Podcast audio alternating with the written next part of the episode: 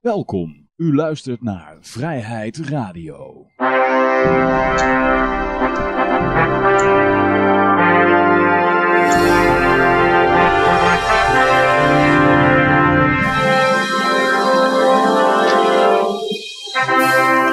Ja, dames en heren, jongens en meisjes.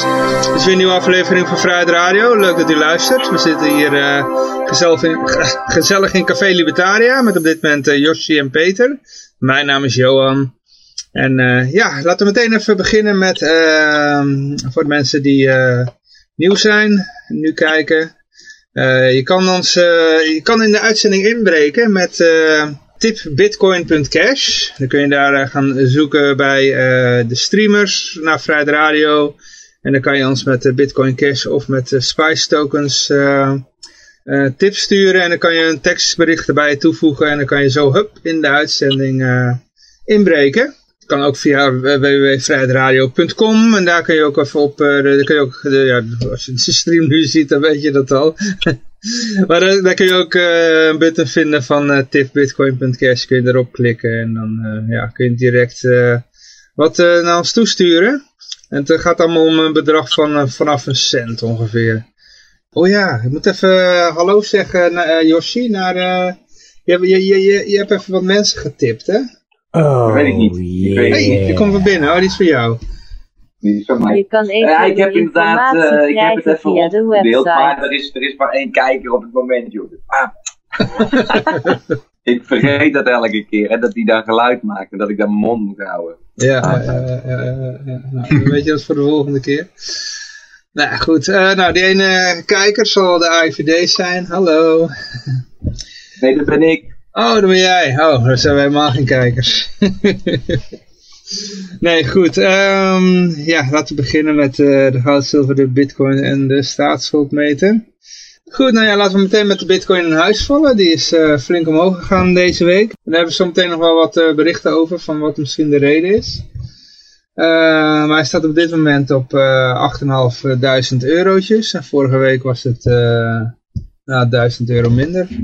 En dan hebben we nog, uh, even kijken, de marijuana index. Hier oh, hebben we de marijuana index. Oh, die is omlaag gegaan. Die staat op uh, 133,16. En dan gaan we even naar, uh, even kijken hoor. Goud. Goud staat op 1490 dollar per ounce. De olie? Olie is op 55,49, dus dat blijft een beetje tussen de 50 en de 60 in armen zo. 53, 55. Ja. Uh, de staatsschuldmeter staat op um, 394,8 miljard in het rood. Ja, goed. Ja, dan gaan we even naar uh, de berichten toe. Volgens mij was het eerste bericht een, inderdaad een bitcoin berichtje, zo uit mijn hoofd. En dat was uh, van waarom is hij zo omhoog geschoten? Er werd over Ja, gespeculeerd. Nou, ik ben, ik- dan zal ik even helemaal mijn mond dicht houden. Dan ben ik nou, ga ik alleen maar luisteren, ben ik benieuwd hoe jullie het gaan verklaren. Het eerste bericht dat werd ge- gegeven daarover was eh, de verklaring die daarvoor gegeven. Dat was de, de pri- Chinese premier Xi. Die had gezegd van eh, China wil leading worden op bitcoin gebied. Ja, daardoor zou het allemaal omhoog zijn gegaan. Op blockchain gebied. Ja. Ja, dat was inderdaad de overheersende, eh, hoe dat het gebracht werd.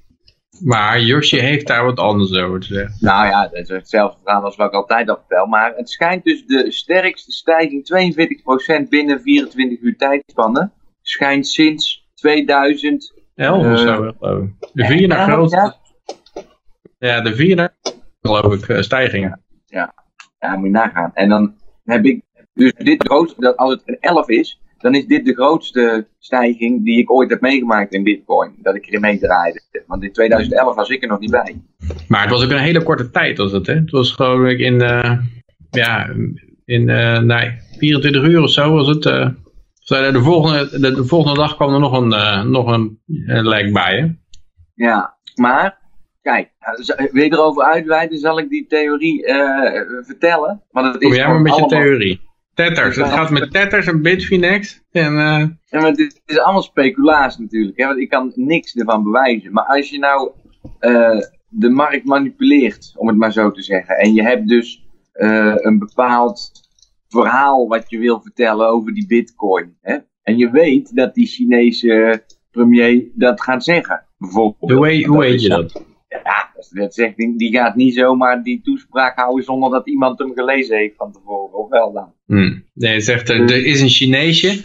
En die zegt, ik, eh, ik doe wel even de spellingcheck. Jongen, En die dan, vent eh, die weet ook al wat hij volgend jaar gaat zeggen, wat dat betreft. Ze hebben deze paper vijf jaar geleden geschreven. Nou ja, het, het- hebben vijf jaren plannen daar, hè, bij, de, bij die Maar-. Nou goed, ik zal het niet te ver over de scheep trekken, maar in ieder geval, eh, dan, dan je, je bent dus continu aan het scalpen, want wat er ook recent gebeurd is, is dat de 18 miljoenste bitcoin nu gemined is. Hè? Dat betekent dat er dus nog 3 miljoen bitcoins komen. En de volgende halving is verwacht in mei volgend jaar. Dat betekent, tot en met de vijfde maand volgend jaar, betekent dat je ongeveer nog een half jaar hebt dat er iedere 10 minuten 12,5 bitcoin bij komen. En dat die prijs dus nog naar beneden kan met die 12,5 nieuwe bitcoins, om het zo maar te zeggen. Dat drukt gewoon ontzettend de prijs. En eh, die munten worden gewoon verkocht. Dus als je goedkoop bitcoins wil kopen, dan heb je nog een half jaar, of de, in ieder geval minimaal een half jaar, ben je nog aan het scalpen en ga je het nog af, afromen, afromen. Leuk verhaaltje wil vertellen en een hoop FOMO wil creëren en iedereen op eigen. Dan haal je dus je eigen kooporders eruit, om het maar zo te zeggen. Dan valt hij dus even iets verder terug. Roep, daar staat Je bedoelt maar die miners, die, die miners die halen hun verkooporders eruit, nee? Ik, ik bedoel, de, ik bedoel de, de, de partij die nu met de prijs, die nu heel veel bitcoins opkoopt, die staat zowel aan de koop als de verkoopkant in het orderboek. En die is niet alleen maar aan het kopen, die verkoopt ze ook weer. Ik weet het niet, ik ken die partij niet. Zou nu weten of dat Nou, zo is? Oké, stel je voor dat je dus eh, zegt, ik wil alle bitcoins kopen. Hè? Je kan ze eigenlijk nooit allemaal kopen, want dan moet je wel heel hoog. Je wil eigenlijk zoveel mogelijk bitcoins voor een zo laag mogelijke prijs kopen. Dat is eigenlijk wat je wil. Dus je koopt dan met het kapitaal wat erin gaat met zo'n bank, dat is zo groot met zo'n bitcoin, dat, dat moet dan omhoog. En dus je probeert zoveel mogelijk ehm, te vergaren op een lage prijs. Dan druk je hem in één keer door naar tien keer hoger dan dat bedrag. Dan verkoop je vanaf dat moment aan iedereen die zo stom is om op dat moment pas te gaan kopen. En dan werk je hem dus weer helemaal naar beneden, naar die 2000 prijs waar die vandaan komt.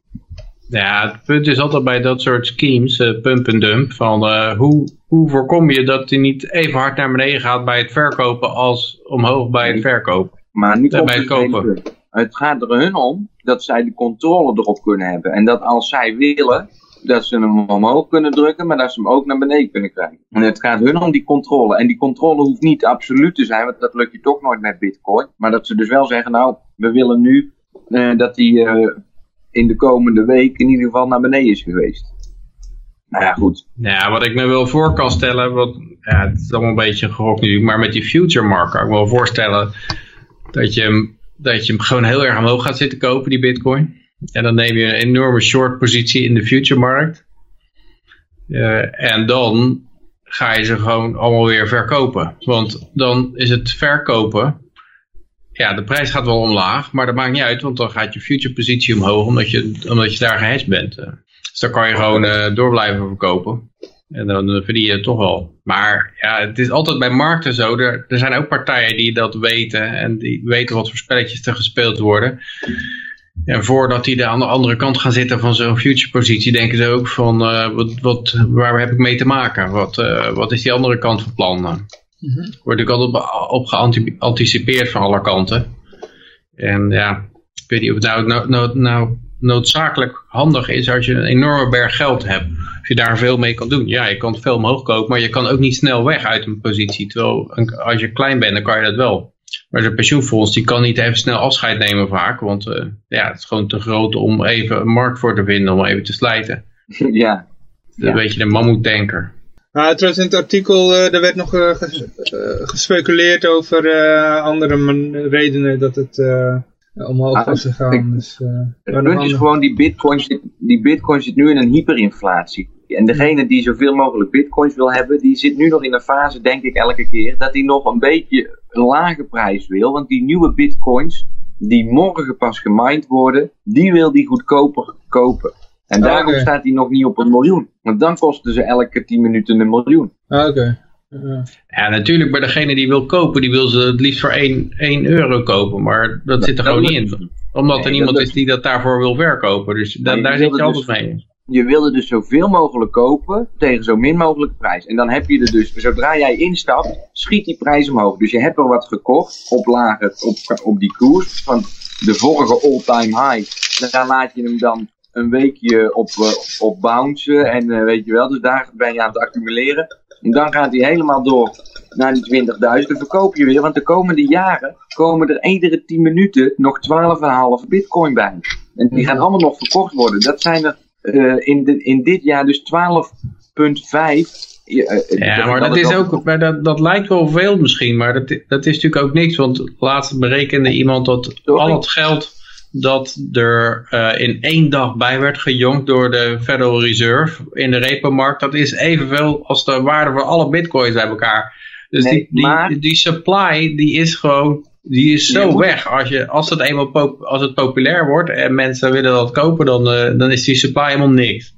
Je moet het relatief zien. Het is namelijk zo, in, de, in iedere miningfase van een block reward, is de block reward het aantal procent wat erbij komt van het totaal. Dus dat betekent, toen de block reward 50 was, is er in de periode dat de block reward 50 was, in totaal 10,5 miljoen bitcoin gemaakt. En dat is precies 50% van alle bitcoin. Toen hmm. werd de block reward 25 en voor die hele periode werd 25%. Dus nu zijn we bij 12,5 dat betekent dus dat er nog 25%, want 50 plus 25 is 75, dus 75% van alle munten zijn er. Maar 25% zijn er gewoon nog niet. En die komen er dus nu wel bij. Dus het is mhm. wel een, een, significant deel van, van alles. En dat het nu in geld allemaal nog weinig voorstelt. Het stelt al in ieder geval meer voor dan 2012.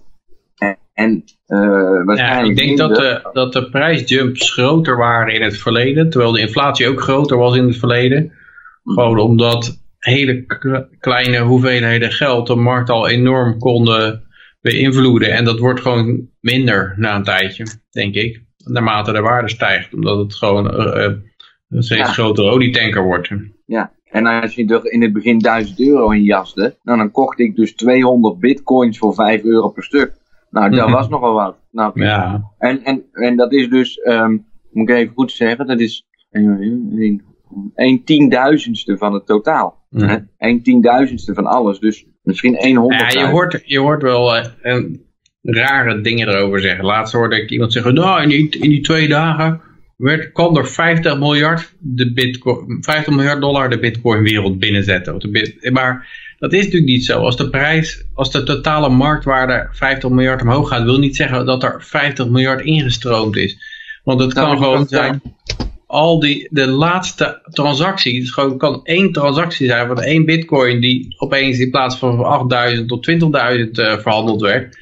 En dan worden al die andere bitcoins die helemaal niet verhandeld zijn, die worden opeens ook meer waard omdat het de laatste transactie is. En dan, dan, dan is er dus maar 8000 ingekomen, maar maar uh, uh, ja, sommige mensen denken dan dat, dat er 50 miljard is ingestroomd, omdat de totale marktcap 50 miljard is. Uh, maar dat is natuurlijk deze week, deze week heb ik op, want er is wel weer, dus er worden een hoop beurzen gaan er dicht en weet ik veel wat. Ik weet niet of jullie het weten, Bittrex gaat het veranderen en zo.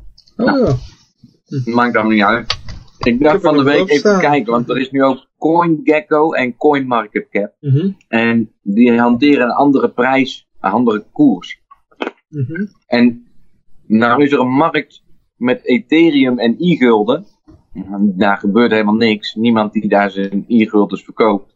Dus kan ik voor uh, een, uh, volgens, mij, volgens mij staat het dan op uh, eh, 45 cent of 50 cent dat de eerste verkoper staat. Dan koop ik 0,1 EFL op die beurs. En dan wordt toch die 45 cent meegewogen in de prijs van EFL. Dus dan koop ik 0,1 EFL. Die kost dus op dat moment 45 cent. Dus dat is 4,5 cent omzet. En daarmee genereer ik, heb ik laatst dus uitgerekend, 3,5 miljoen extra waarde.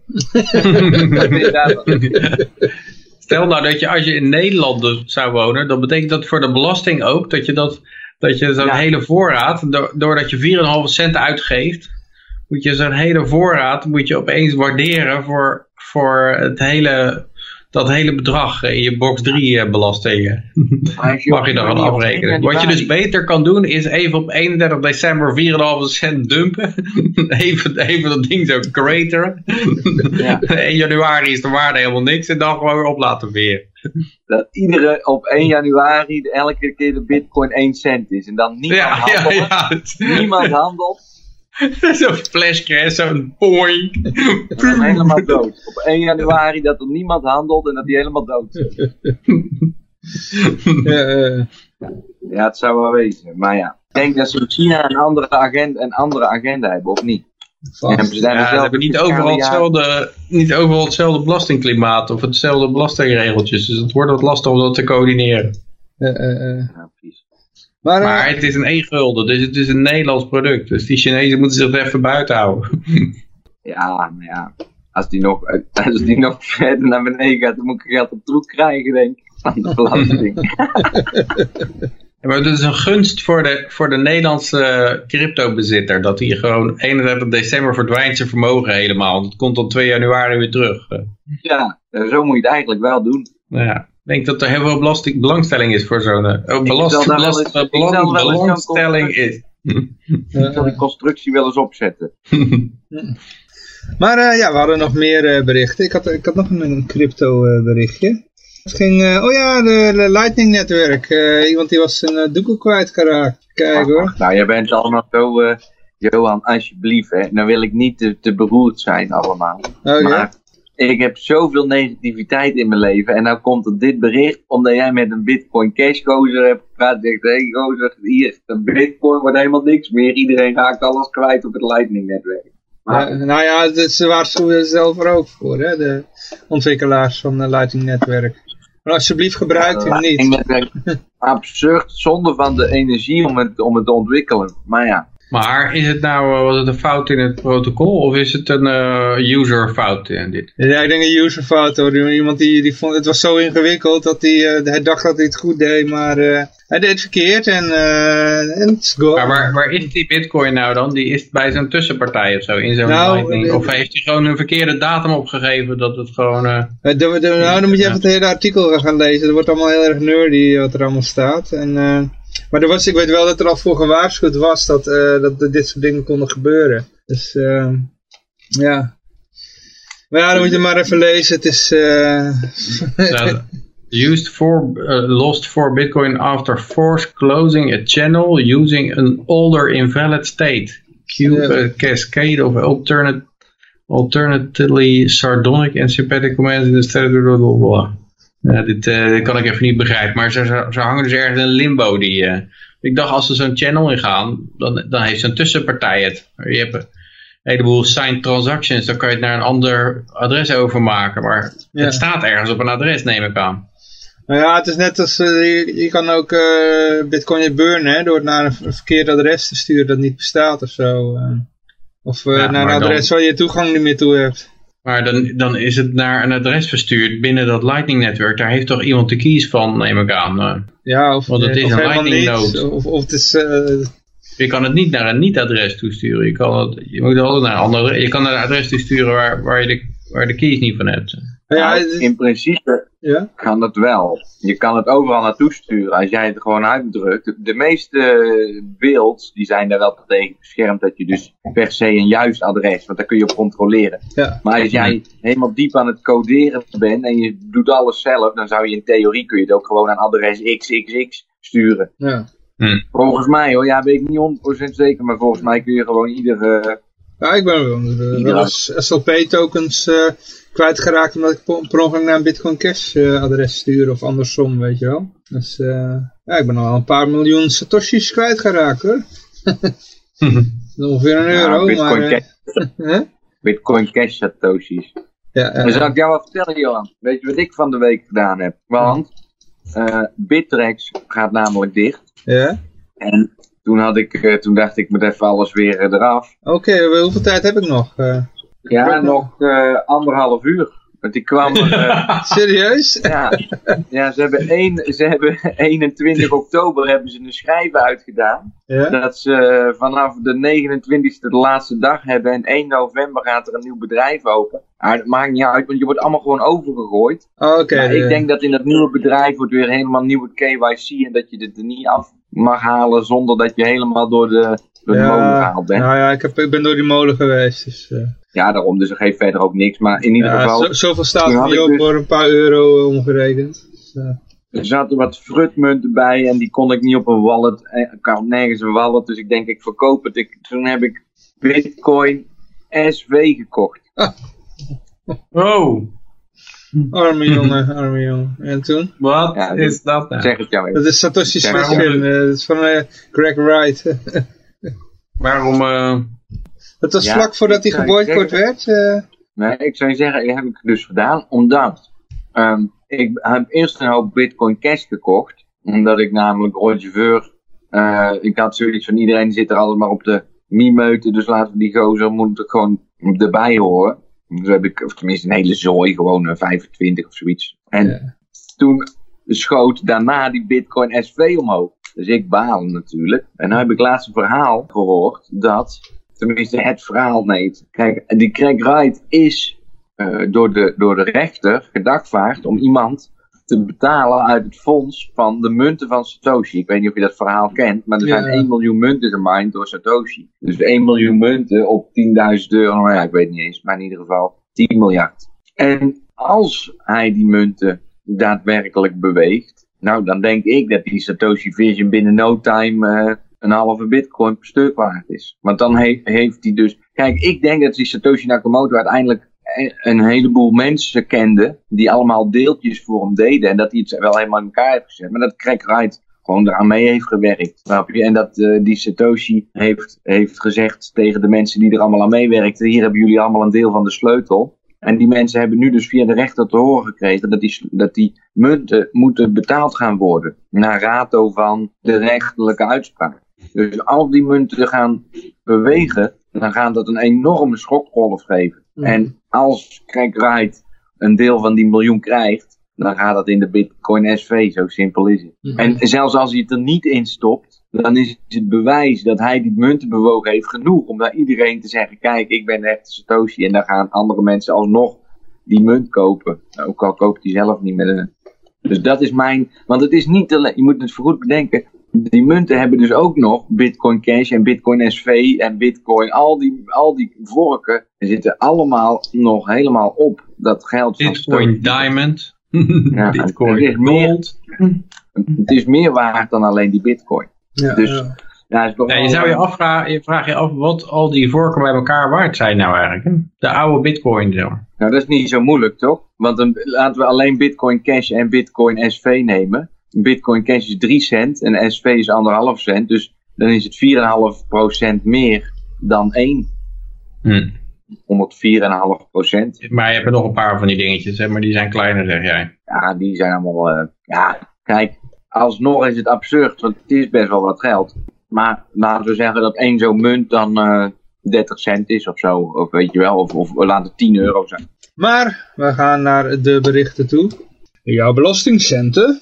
Een derde van je loon belastingvrij met de expat subsidie. Ja. Ja, wordt weer een eh, subsidie genoemd.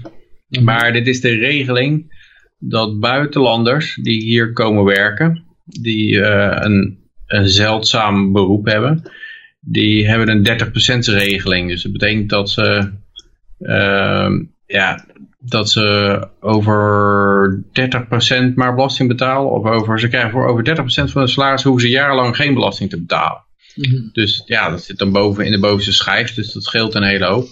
En ja, bij mij op mijn werk zag ik ook dat, ze, dat daardoor voornamelijk buitenlanders worden aangenomen. In plaats van Nederlanders. Want je krijgt dus, eh, als bedrijf gezien krijg je meer ingenieur voor je geld als je een buitenlander neemt. Want je kan gewoon een duurder betalen omdat die minder belasting betaalt.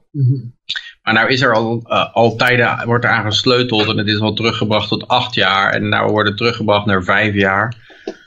Met de gebruikelijke toestanden, eh, uitleg erbij van, eh, Vorig jaar maakten ruim 85.000 inkomende werknemers gebruik van de 30% regeling. Driekwart van hen waren man.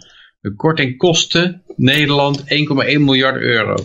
ze geven belastingvrijstelling voor 30% van je salaris. En dan zeggen ze, dat kost de staat 1,1 miljard euro. En dan zaten ze zeggen ter vergelijking, hypotheekrente kost de fiscus 10,6 uh, miljoen euro. De hypotheekrente aftrek. Mhm. De algemene heffingskorting kost eh, 19,9 miljard. Dan kan je gelijk zien welke, welke belastingaftrek er allemaal op de schop staat. Hè?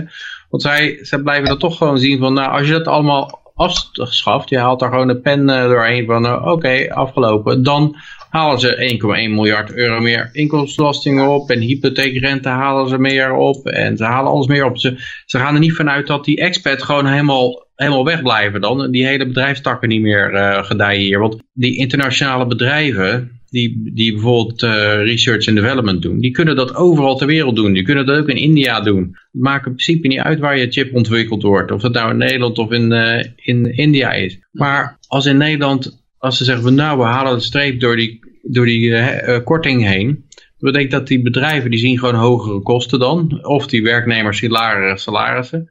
Dus dan verhuist dat werk, verhuist gewoon naar het buitenland toe. Dan ben je de hele zooi kwijt. Het is net zoals die briefbusfirma's. Er wordt ook altijd van gezegd. Ja, de Nederlandse overheid loopt zoveel belasting mis door die, door die. Die zo'n uh, belastingruling hebben. Nou, als je dat niet hebt, dan heb je gewoon heel die firma's niet. Dus dan, ben je alles kwijt. Ja. Maar dat, dat, ja, op een of andere manier zien ze dat nooit. En, en ook, wat ik irritant vind, ja, dat is altijd al zo, dat, het, dat de pers schrijft vanuit het gezichtspunt van de overheid. Niet vanuit het gezichtspunt van de, van de expat in dit geval. Dus uh, nou ja, ze gaan daar, uh, ze gaan daar aan uh, zitten sleutelen. En dan hebben ze bijvoorbeeld ook, zeggen ze, een specifieke deskundigheid gaat het om. Dat, dat moet het zijn. En dat ja, de overheid kan natuurlijk niet beoordelen wie deskundig is of niet. Dus ze hebben gewoon gezegd, iedereen die meer dan 28.690 euro per jaar verdient, die is deskundig. Dus dat is en het een masterdiploma. wat je moet verdienen. Zei je? Dat is het minimumsalaris wat je moet verdienen en dan krijg je belastingkorting. Ja. ja. Oké. Okay. Maar het is nou ook, ik, ik ken zo'n expert ook die er best wel pissig over is. Dat hij heeft daar een huis gekocht met, met het idee dat hij een bepaalde financiële toekomst heeft. En dan gaat halverwege die rit gaat de overheid opeens zeggen van, nou weet je wat, we gaan dat, uh, we gaan dat veranderen die regeling. Ja, dan zit je opeens je maandlasten, zit natuurlijk heel veel scheef. Dus je, je kan, er kan weer geen, uh, geen afspraken gemaakt worden met de overheid. Maar we blijven nog even in het uh, wereldje van het leed dat belasting heet. Belastingdienst bracht gezinnen in grote financiële problemen. Ja, dat is dat hele verhaal dat ze die kindertoeslagen niet alleen niet uh, uitkeerden, maar dat ze ja, die mensen ook een, een meer dan normale poot uittrokken, geloof ik. En, ja. ze waren daar ook niet open over en niet eerlijk. Ik weet niet precies wat er gebeurde, maar die mensen zijn naar de rechter gegaan. En, en die rechter heeft ze in het gelijk gesteld, dus het moet wel heel bond geweest zijn. Het gaat om de onrechtmatige stopzetting van toeslagen voor kinderopvang. Okay. Ja, dat wordt ook weer toeslagen genoemd. Ik neem aan dat het ook weer minder belastingbetaling is, dat je belasting mag aftrekken voor je bruto salaris die je besteedt aan kinderopvang. Uh, oh, Oké, okay, ik hoorde dit op het, op het nieuws en toen, toen werd er ook gezegd dat het ook met andere soortgelijke toeslagregelingen was. En zo. Dat mensen dan meteen 10.000 euro bijvoorbeeld moesten betalen en binnen, binnen een paar weken, weet je wel. Ja, sommige mensen ja, hebben ze dat werden ook gewoon aangemerkt als fraudeur en ze een grove schuld... Ze, ze, de, gingen gewoon even die mensen als fraudeur aanmerken gelijk. En dat doen ze dat toch al. De, het is natuurlijk al een projectie, want zij zijn de fraudeurs. Maar inderdaad, ze krijgen een enorme rekening gepresenteerd en gelijk betalen. Maar ik hoor het wel vaker hoor van mensen hoor. Het, uh, ook als je een huis erft bijvoorbeeld. Ja, ja het kan heel link zijn ja. Ja. Ook een, maar bij bedrijven ook. Maar ik geloof dat dat, dat hebben ze wel een keer, was het een tijdje zo erg dat daar ook wat aan gedaan. Want die bedrijven, dat als vader naar zoon, een, uh, om maar voorbeeld te noemen, een bedrijf vererfde. Dan zei de belasting gelijk van, oké, het bedrijf is uh, 8 miljoen waard. Dan willen wij graag nu 1 miljoen op de bank hebben staan. en en er was gewoon helemaal geen miljoen. Er werd, er werd het bedrijf overgedragen. Maar hoe kom je aan de hemelsnaam om een miljoen? Je kan niet een stukje van het bedrijf zomaar verkopen. Of een beursgang gaan regelen of zo. Alleen om, om een stuk te verkopen om om die belasting te betalen. Maar ja, de Belastingdienst heeft er allemaal scheid aan. Dus die zegt gewoon gelijk dat je fraudeur bent. En, uh, Maar ik geloof dat er nou wel een regeling is. En wat, wat, wat er toen gebeurde is dat, dat zo'n lief gewoon het hele bedrijf sloot dan maar. Hè. Oké, iedereen ontslaan. En dat is dan de overheid ook wel uh, weer iets van, uh, wacht eens even, hoe kon dat nou gebeuren? Uh, Hebben mensen meteen in de uitkering? ja, dat hebben ze liever ook niet geloof ik. Ze zouden allemaal een vriend kunnen worden van de i-gulden. Dan krijgen ze twee i-guldens en dan kunnen ze daar de, de, korte de eindjes weer mee van aan elkaar knopen. Mits die omhoog schiet als een raket naar de moon. ja. Je moet strak kunnen knopen, Peter. Oh. ik weet niet wie, wie, een beetje goed is in Frans, uh, maar dan kun je even het zinnetje... Het leed dat belasting heet in het Frans. Uh, nee, dit gaat me niet lukken. Dit. Le wie de... Le nom de... Wat is belasting in de... Uh, belasting, merde. Ze puta merde. ja, goed. Uh, Franse kok uh, krijgt uh, naheffing. 14.000 euro. Ja, 14.000 euro voor lunches in zijn eigen restaurant. Ja, dit is ook nog eens een kok op het Franse Caribische eiland Guadeloupe. Dus die zit een heel eind van het empire vandaan, zou je zeggen. En die zit dan lunch te eten in zijn eigen restaurant, wat hij gewoon zelf gemaakt heeft. hij denkt, zit lekker in het zonnetje daar zo, aan, de, aan het water met een paar palmbomen. Wat zal ik vandaag eens maken? En hij maakt een lekker gerechtje en hij peuzelt het lekker bij de lunch op, glaasje wijn erbij. En dan na zoveel jaar krijg je opeens een aanslag van de Franse Belastingdienst uit Parijs dat hij 14.000 euro moet betalen omdat die eigenlijk als de maaltijden wordt gezegd, die kosten zo'n, uh, of de, volgens overheid 107 keer euro, 107 euro per keer zouden die maaltijden kosten. En het maakt niet uit dat jij die voor jezelf koopt, uh, kookt. Dat is gewoon loon in natura als jij jezelf een lunch geeft als kok. En dat loon, dat moet gewoon belast worden. Dus uh, van die 107 euro moet er zoveel naar de belasting toe. Dus vandaar kwamen ze op 14.000 euro. Dus die, die kok die gaat nou heel snel van ja, maar die maaltijden zijn maar uh, 6 euro. die zijn er geen, geen 107 euro. Dat is natuurlijk ook vervelend als ze wel in de menukaart staan voor 107 euro. Maar het is natuurlijk belachelijk dat je, als je voor jezelf eten koopt, dat je dan daar belasting over moet betalen. Net zoals als je, als je eigen auto bestuurt, dat je chauffeur bent van je eigen auto, dat je dat, ja. in je eigen huis, dat je dat van jezelf huurt, dat je daar ook allemaal belasting over moet betalen. Dat is het punt bij die vent. Want hij heeft zo'n afgelegen restaurant en zo'n dure auto dat het toch nog voordeliger was om maar gewoon voor zichzelf al die dure maaltijden te eten. En als hij elke keer naar de frietent op de hoek moest rijden, dan moest hij zijn Lamborghini starten en er was zoveel... Uh, nee, ja. Lul maar weer wat. Ja, absurd, maar ja, aan de andere kant, uh, zo zijn de regels, zeggen we dan, toch? Ja, die maaltijden gaan voor dat bedrag. Ik heb ooit als mijn, uh, mijn, mijn scriptie, of hoe zeg je dat? Als je probeert wat te bereiken in, in het leven. Scriptie heet dat volgens mij. En dat ging over de werkkostenregeling. Over hoe da, hoeveel dat zo'n maaltijd dan mocht kosten. En, en tot welk bedrag dat je dat cadeau mocht doen ook bijvoorbeeld, weet je wel. En ja. cursussen, cursussen, hoeveel, uh, hoeveel, en dan gaan het dus bedrijven, en dat is dus het hele punt, dan gaan het dus bedrijven op die regelingen gaan ze dan plannen maken om zo optimaal mogelijk die kosten uit te laten komen, dat je maar zoveel mogelijk van die, oh joh. Ja, het, is, het is een enorm gepriegel en gedoe allemaal, daar een beetje mee te werken. Maar het is natuurlijk raar dat als ik eten voor mezelf kook, wordt dat niet als, natoni, uh, als uh, loon in natura gezien, omdat ik geen kok ben. En dat is natuurlijk een beetje, een beetje een vreed verhaal ook. Alleen omdat iemand kok is. Maar ik kan natuurlijk ook zeggen, ja maar ten tijde dat ik uh, mijn lunch maakte voor mezelf, was ik geen kok. Was ik niet in, niet in diensten. Maar in Frankrijk doen ze er ontzettend moeilijk over. En dat was toch ook zo dat daar mensen die hadden bij een café, café die brachten hun kopje, hun lege kopje koffie naar de toonbank toe. Dus voordat ze wegliepen dachten ze nou, we zullen het die mensen wat makkelijker maken. Ik, ik breng, zet mijn lege kopje op de toonbank. Dat werd gezien als illegale werknemer in dienst hebben. Ja, illegale ja. arbeid. En daar werd zo'n café ook voor beboet. Dus die café moest zeggen, nee, je mag absoluut je, koffie, je lege kopje niet op de aanrecht zetten. Dat moeten wij ja, doen. Dat mag je niet doen. Zo hé. Absurd. En dat je dan als inspecteur de hele tijd kopjes terugzet op de dingen en dan die mensen gaat... Ja, ja, ja. Oh ja, ik heb er weer één, ik heb er weer één. ja, ik was het zelf, maar eh, een beetje zoals de FBI terroristen pakt, zeg maar. Ja. Als er geen genoeg terroristen zijn, dan, dan leef je gewoon zelf de terrorist. En dan, hé, hey, hebben we nog een paspoort? En dan, nou ja. Ja. ja, ja.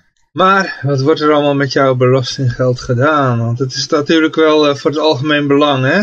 Voor de veiligheid en zo, de politie. En, eh, anders is het één grote chaos. Stel het maar. Eh, nou ja, volgende bericht. Hè? Politie die zat even buiten te wachten tot de marteling klaar was. En ging toen pas naar binnen.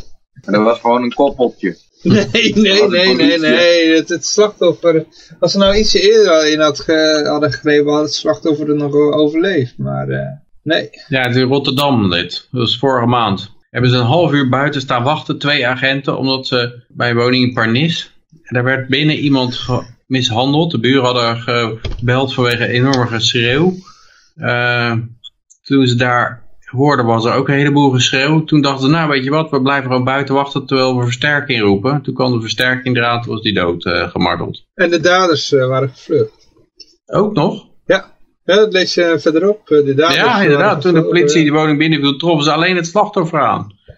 Dus die zijn gewoon via de achterdeur eh, verdwenen of zo? Ik weet niet. Via het toiletraam? Ja, ook vreemd. Afgelopen dinsdag arresteerde de politie een 24-jarige vrouw uit Rotterdam als verdachte van de moord. Oké. Dus er is een vrouw die heeft een man op een stoel vastgebonden en met dood gemarteld. Ja, Ja, zeg niet dat het niet kan. Kan, kan ja. maar Ik ken die vrouwen man waar die je beter waarschijnlijk laten overtuigen of zo. We gaan een spelletje doen. Ja.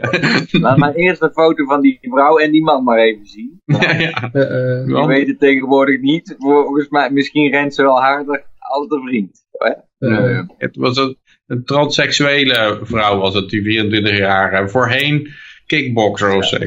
Ja. ja, ik ken vrouwen waar je beter geen, eh, beter geen ruzie mee kan hebben hoor. Dus, eh, Nou, misschien zei deze vrouw van, nou trek je kleren maar uit dan, eh, en dan ga je op de stoel zitten, dan gaan we je vastbinden. Dat is een leuk spelletje. maar er was nog een medeverdachte. dan pak je de koekenpan, zo poing. er waren nog medeverdachten. Dus, eh, Nou, daarvoor ben je dus lid van de politie. En de grootste werkgever van Nederland. Omdat eh, dat je dit soort, eh, dat ze gewoon altijd paraat zijn om ellende te voorkomen. En in de kiem te smoren. Het doet me ook een beetje denken aan die, die schietpartij in Amerika. En dat, eh, dat de politie ook buiten stond te wachten tot de schietpartij eh, klaar was.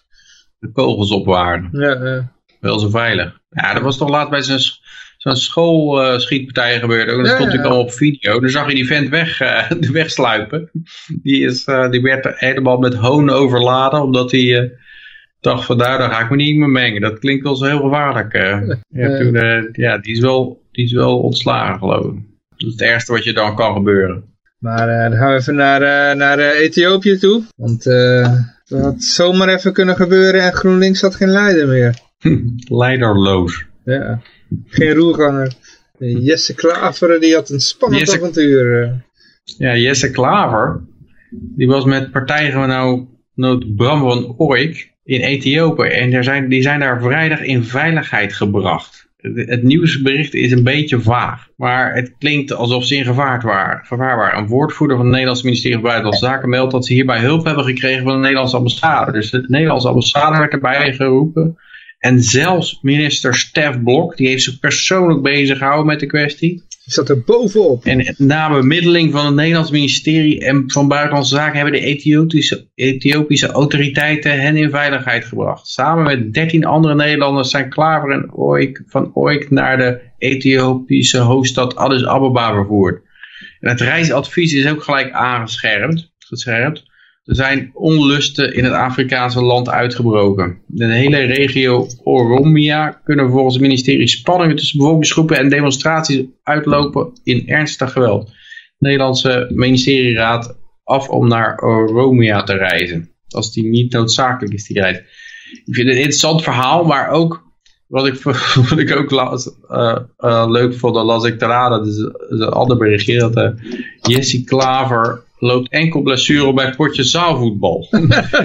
het, is, het is natuurlijk al heel triest dat, dat dat nieuws is. Dan denk je al van, is het in een democratie nieuws als een of andere Joe Dokers een enkel blessure oploopt. Maar ik, vond, ik vind het eerste eh, zin wel interessant. Ben je net veilig terug uit Ethiopië, blijkt een potje zaalvoetbal in de sporthal van het laagkwartier toch te veel, schrijft Klaver bij de foto.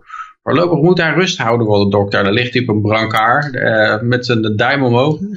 ik heb het idee dat, uh, dat uh, ja, het staat daar, de, onder de politie, zoals afgelopen vrijdag op werkbezoek Ethiopië, toen hij in een bedreigende situatie terecht was gekomen. Hierop heeft het ministerie van Buitenlandse Zaken hulp verleend en hij zei door de Ethiopische autoriteiten naar een veilige plaats gebracht. Ik zit dan dan te denken, zou die soms wel uh, daar door een of ander demonstrant tegen zijn enkel geschopt zijn of zo, die zijn enkel gebroken heeft. En, maar dat ze dat ja, niet, niet zouden buiten wilden hebben, dat ze hem daar Nederland hebben teruggevlogen, na hem in veiligheid hebben gebracht. En, en nu met een potje zaalvoetbal verhaal opeens, waarom staat dat potje zaalvoetbal anders in het nieuws? Wat is dat voor, voor lulverhaal? Ja. En ik dacht juist dat het was van, oh, er is eigenlijk helemaal niks aan de hand met die Jesse Klaver. Alleen, er waren zoveel grafkisten bij die boerendemonstraties, dat ze nou iedereen even een morele besef willen, willen geven. Van kijk eens, ja. als je nou echt dood was geweest, was je dan blij geweest? Hè? Met, uh, ja. Allemaal mensen. nou, dus even wat sympathie voor Jesse, want dat heeft hij toch allemaal gevaarlijk. Maar, zo dacht ik erover. Mm. Maar de onlusten in Ethiopië, ik bedoel, het is toch wel een beetje raar. Dan kijk eens even naar de stream, beste mensen. Wie, wie zien jullie daar? Oh, naar de stream kijken. Ja, Johan, ik vind het wel... Uh, een hele interactieve radioshow dit, toch? Wat is de Nobelprijswinnaar van de vrede? Dat is de Vredesnobelprijswinnaar. Dat is... Ik dacht uh, die Obama heet. Nee, ja, dat is de Obama van Afrika. Oh, dat was de Obama ook. Sorry. dat is de Ethiopische premier. Obama was van Afrika, toch? ja, ja, ja. Hij zei zelf dat hij de eerste president was uit Kenia. Toen hij in Kenia was. Ja, uh, was hij ook even vergeten. Dat, uh... de Ethiopische premier uh, Abli Ahmed. Die heeft de Nobelprijs voor de vrede gekregen. Joost mag weten waarom, maar voor het in veiligheid brengen van Jesse Klaver natuurlijk. Iedereen. Moet iemand dat ding Dat is toch duidelijk nou. Nee, sinds hij in 2018 aan de macht kwam, uh, heeft uh, Abiy zich ingezet voor uh, vrede in de regio. Nou ja, we zien het hè.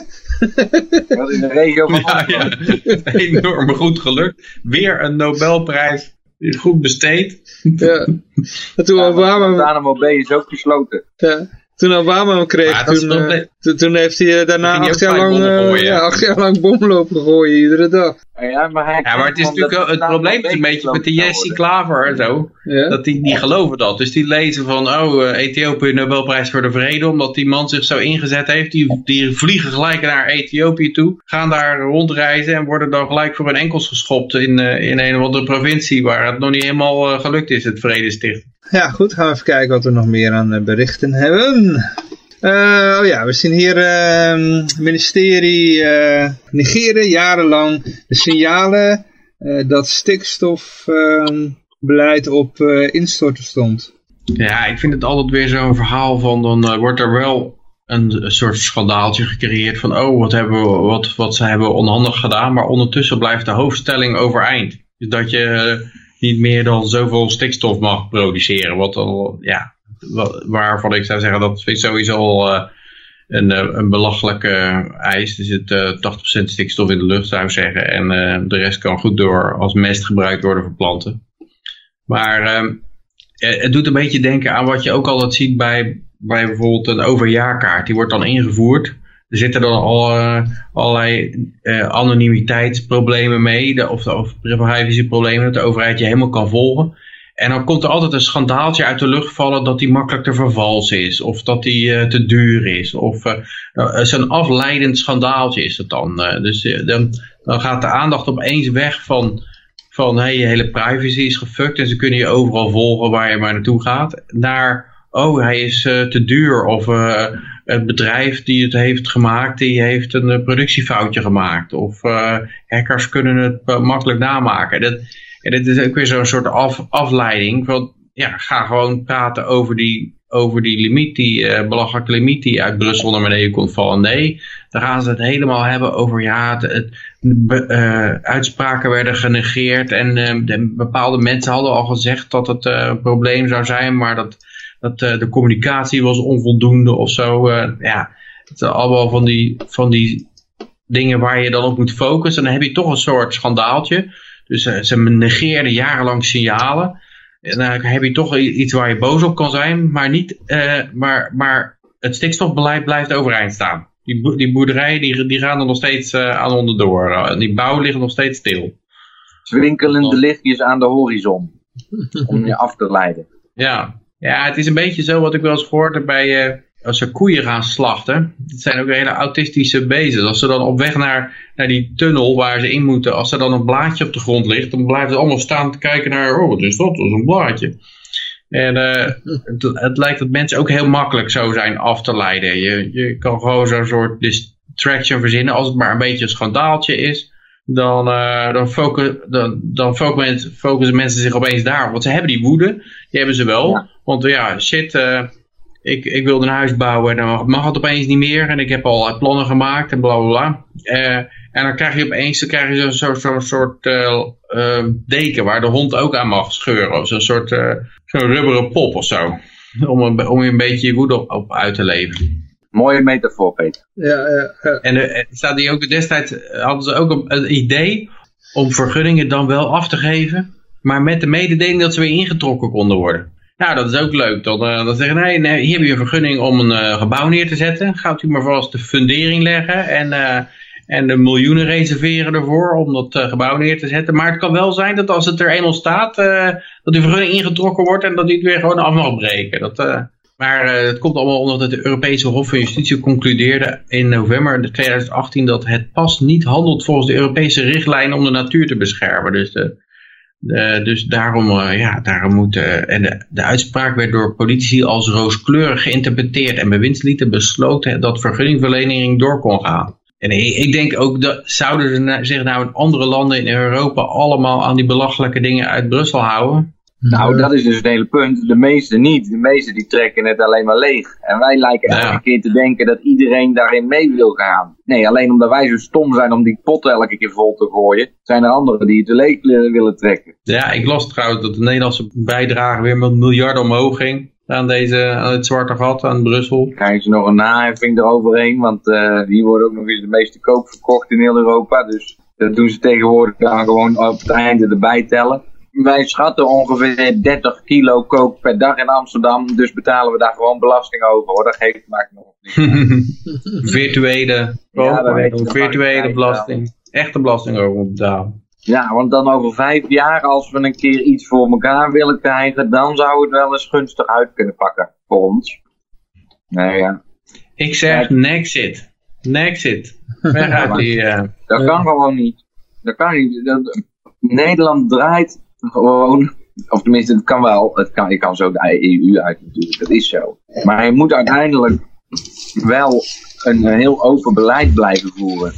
Het kan niet zo zijn dat je... Dat kan ook nog steeds natuurlijk. Ja, je blijft een open beleid voeren, maar je zegt, uh, fuck al die, uh, die regels, als jij, regels die de economie... Als jij roept, als jij nek zit roept, dan, heb ik daar, dan wil ik dat altijd even gezegd hebben. Van, laten we wel een open beleid voeren. Want ja, ja, ja. Je, kan wel, je kan wel helemaal op slot schieten, maar daar... Nee, nee, dat is, uh, dat is geen goed idee. Het op slot dat komt omdat, over het algemeen, omdat, omdat ze uit Brussel dan wraak willen nemen als je eruit stapt. En dan zeggen ze, ja, maar dan mogen jullie, jullie vervuilende, giftige wanproducten ook niet op onze pure, zuivere e Europese markt verkocht worden. Dus dan gooien wij de grenzen dicht. Dat is uiteindelijk het verhaal wat er bij de VK, uh, Verenigd ja. Koninkrijk gebeurt. Dat, uh, hey, ja, en daarover gesproken, dat is toch over twee dagen nou, Johan? Ja, volgens mij nog al, uh, ja... Moeten we daar een weddenschap op afsluiten? er is al uitstel verleend hoor. Oh, er is al uitstel verleend. Ja. Maar ja, heeft de EU dat ook geaccepteerd dan? Ja, ja. Tot 1... Uh... Oh, de EU heeft de uitstel verlengd. Tot mei of zo, geloof ik weer. Of zo. Nee, ik dacht februari, januari. Maar begin volgend jaar, geloof ik. Ja. Nou, ja. ik wist niet dat er iets aan de hand was eigenlijk. Ja, ik wist het wel, maar ik heb het niet zo meegekregen. Nee. ik heb inmiddels een soort uh, brexit filter. Uh, dat alle, alle, alle wat over brexit gaat hierin en daar weer uit. Ja. Af en toe dan... Uh, ja, het is, het is zo raar dat er nog steeds de pond omhoog en omlaag gaat bij elk brexit berichtje. dat je afvraagt, hebben die valuta-medewerkers nou, nou nog niet door dat er gewoon niks gebeurt? Dat elk, elk berichtje, het gaat door, gevolgd wordt door een berichtje, oh nee, toch niet. En misschien was hij zonder die berichten ook wel gewoon op en neer gegaan hoor. ja, toch? Nou, ja. Zou ook kunnen, ja. ja, ja. Maar uh, we gaan nog even naar de stikstof uh, gebeuren, want uh, er, is, er is een messias opgestaan, die, die gaat ons redden. Het is VVD-Kamerlid Mark Habbers. ja, je weet wel waar die van is, denk ik. Als ik het, VVD. Als ik, ja, dat ook. Maar het is iemand die, die al eerder in het kabinet zat en die eruit gekikt was. Oké. En dat was omdat die ernstige misdrijven van asielzoekers had verdoezeld. Oké. Dus het, uh, hij, hij, daardoor moest hij zijn biezen pakken. Oh ja, nou dan begint er wat te dagen, ja. Maar ja. na zijn vrij onverwachte vertrek nam hij zijn zetel in de Tweede Kamer weer in. Uh, dus dit, dit, is iemand van het type ignorance is strength. Je kan de burger maar beter dom houden, want anders dan, dan zou hij misschien denken dat, het, dat er een probleem is. En hij moet gewoon rustig doorslapen. Ja. En 13 miljard extra gaan betalen per jaar aan de EU. Uh, dit uh, cijfer uh, trouwens terzijde. maar, maar die figuur die gaat nou... en die zegt, ja, ik heb de afgelopen zomer gebruikt om bij te komen, zegt Harbers. Ik heb die maanden nodig om de knop... Ik had die maanden nodig om de knop om te zetten. Nou is, en het is gelukt hoor. Hij heeft de knop omgezet. Dus je weet, de knop is omgezet. en hij houdt van aanpakken, hè? Opgestroopte ja. mouwen in beeld zo, hè? Hij strookt de mouwen op, inderdaad, ja. Je altijd die politici, die willen ze uitstralen dat ze van aanpakken houden. Hebben ze zo van die opgestroopte mouwen. Ja, ja, ja. Het gaat vooral om de visuele perceptie, dat er, dat er gewerkt wordt, er aangepakt. En zij, hun werk is dan andere mensen verhinderen te werken. Dus de boeren mogen geen voedsel verbouwen, de bouwers mogen geen gebouwen neerzetten. Zo. Ja, nou ja, zoals gebruikelijk. En uh, nou zegt hij, waarom krijgt u binnen de VVD alle rotklussen? Eerst staatssecretaris van asiel en migratie en nu het stikstofidee. Haha! dus uh, hij gaat, uh, er komt natuurlijk ongetwijfeld er zelf feliciterend iets uit, omdat ik van aanpakken weet. omdat ik mijn mannetje sta. maar wat, wat er wat de, ja, ik heb het de bericht zelf niet gepost, maar ik, we hebben al eerder zoiets besproken. Dat, uh, ja, wat hij vindt, het maakt ook eigenlijk niks uit. Hij, hij, houdt ook vast aan die norm van dat stikstof. En hij zegt alleen dat moet je met technologie oplossen. Met een koetoilet en luchtwassers voor koeienstallen. En allerlei, allerlei apparatuur. En daar moeten subsidies ook bij. En belasting moet ook meedoen met het investeringen versneld af, te tre af uh, kunnen trekken. Ik zal me niet verbazen dat de producent van die meuk uh, gelobbyd heeft. en wat geld toegeschoven ja. heeft. Maak even reclame voor mijn product. Uh, gunstige wetgeving. Ja. Subsidies. Ik denk dat die, die, producent ook in Brussel geweest is. Om ja. deze hele stikstofzooi uh, erdoor te krijgen. Ja. Maar uh, ja, het ergste is natuurlijk dat hij, dat hij zegt... Boeren moeten... of on, onder boeren leeft nu de terechte angst dat de aangekondigde stikstofmaatregelen niet vrijwillig zijn. Zij vrezen dat zij geen eerlijke keuze voor ligt. Boeren moeten echt een keuze hebben, zonder zich zorgen te hoeven te maken over bedrijfsvoering en de financiën. Als je wilt stoppen of staat of valt dat met de prijs die je daarvoor krijgt. Maar boeren die niet willen stoppen moeten hulp krijgen om hun stal te verbouwen zodat ze minder stikstof uitstoten. Daarvoor moet de overheid ruimhartig de portemonnee trekken. Ja, dus eigenlijk, het is natuurlijk, het is natuurlijk niks vrijwillig uh, hieraan. Het geld sowieso al wordt geroofd om dit te doen. Uh, en uh, ja, het is natuurlijk gewoon als jij niet aan de stikstofnormen houdt, dan komen ze met geweld je tent sluiten. Dus uh, zo is het uh, absoluut niet vrijwillig. Ja, dat het is... is uh... raar eigenlijk dat we in Nederland die, die koeienpoep op 5 centimeter diepte van de oppervlakte meten en in de rest van de wereld op anderhalve meter. Ja. Nou, is dat zo? Dat hmm. is wat ik gehoord heb. Dat die Nederlanders okay. op een heel andere manier het meten. En dat daarom die koeien zo hoge uitstoot veroorzaken. Omdat ze veel dichter bij de oppervlakte van de grond zitten. Ze meten precies onder zo'n gat, zeg maar. Waar die, waar die vaart zo naar beneden zakt. Ja, nou ja, in ieder geval dichter bij het aardoppervlak. En da daardoor Het zit aardsoppervlak. Ja. Aardsoppervlak. Oh ja, ik moet even twee keer nadenken. Eh, Ja, met die. Maar het is eigenlijk, eigenlijk die, die hele milieucultus, dat is een soort doodscultus. Hè. Ze gaan echt alle, alle beroepen onmogelijk maken, de productie van voedsel onmogelijk maken. Ze, ze hebben het liefst dat iedereen gewoon de hele dag stil zit, geloof ik, en een uitkering krijgt. Dat is, dat is hun ideaalbeeld. En, en, en, en formulieren naar Den Haag stuurt. Dat is ongeveer hun, eh op gerecycled hun ideaal. Maar, Ja. Maar eh, ja, eh, de ideale wereld, hè? hier hebben we het. Alles ligt stil. Bij ons, hè, als we maar met z'n drieën zijn, jongens.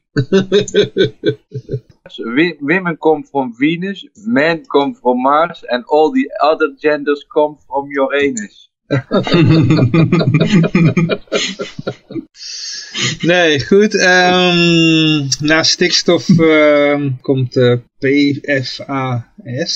En nu ligt de bouw helemaal stil. Maar ja, ik heb eh, is weer een update. hè. Het is weer in beweging gekomen. Met een pen, pennenstreek in Den Haag. Ze gaan alsnog demonstreren. Morgen. Dit gaat over PFAS. en Dat zijn dan chemische stoffen die in brandblusschuim zitten. en die worden in anti-aanbakpannen gebruikt.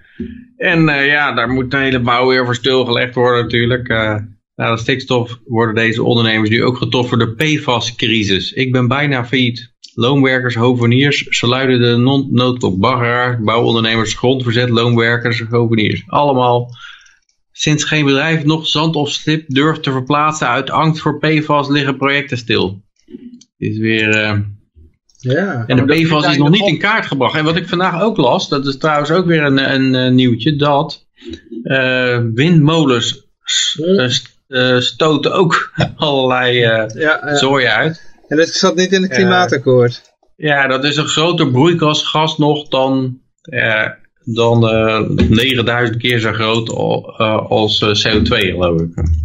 Ja. Maar het heeft wel een, een dichtheid die zes keer zo hoog, zes keer zo hoog is als, als eh, lucht.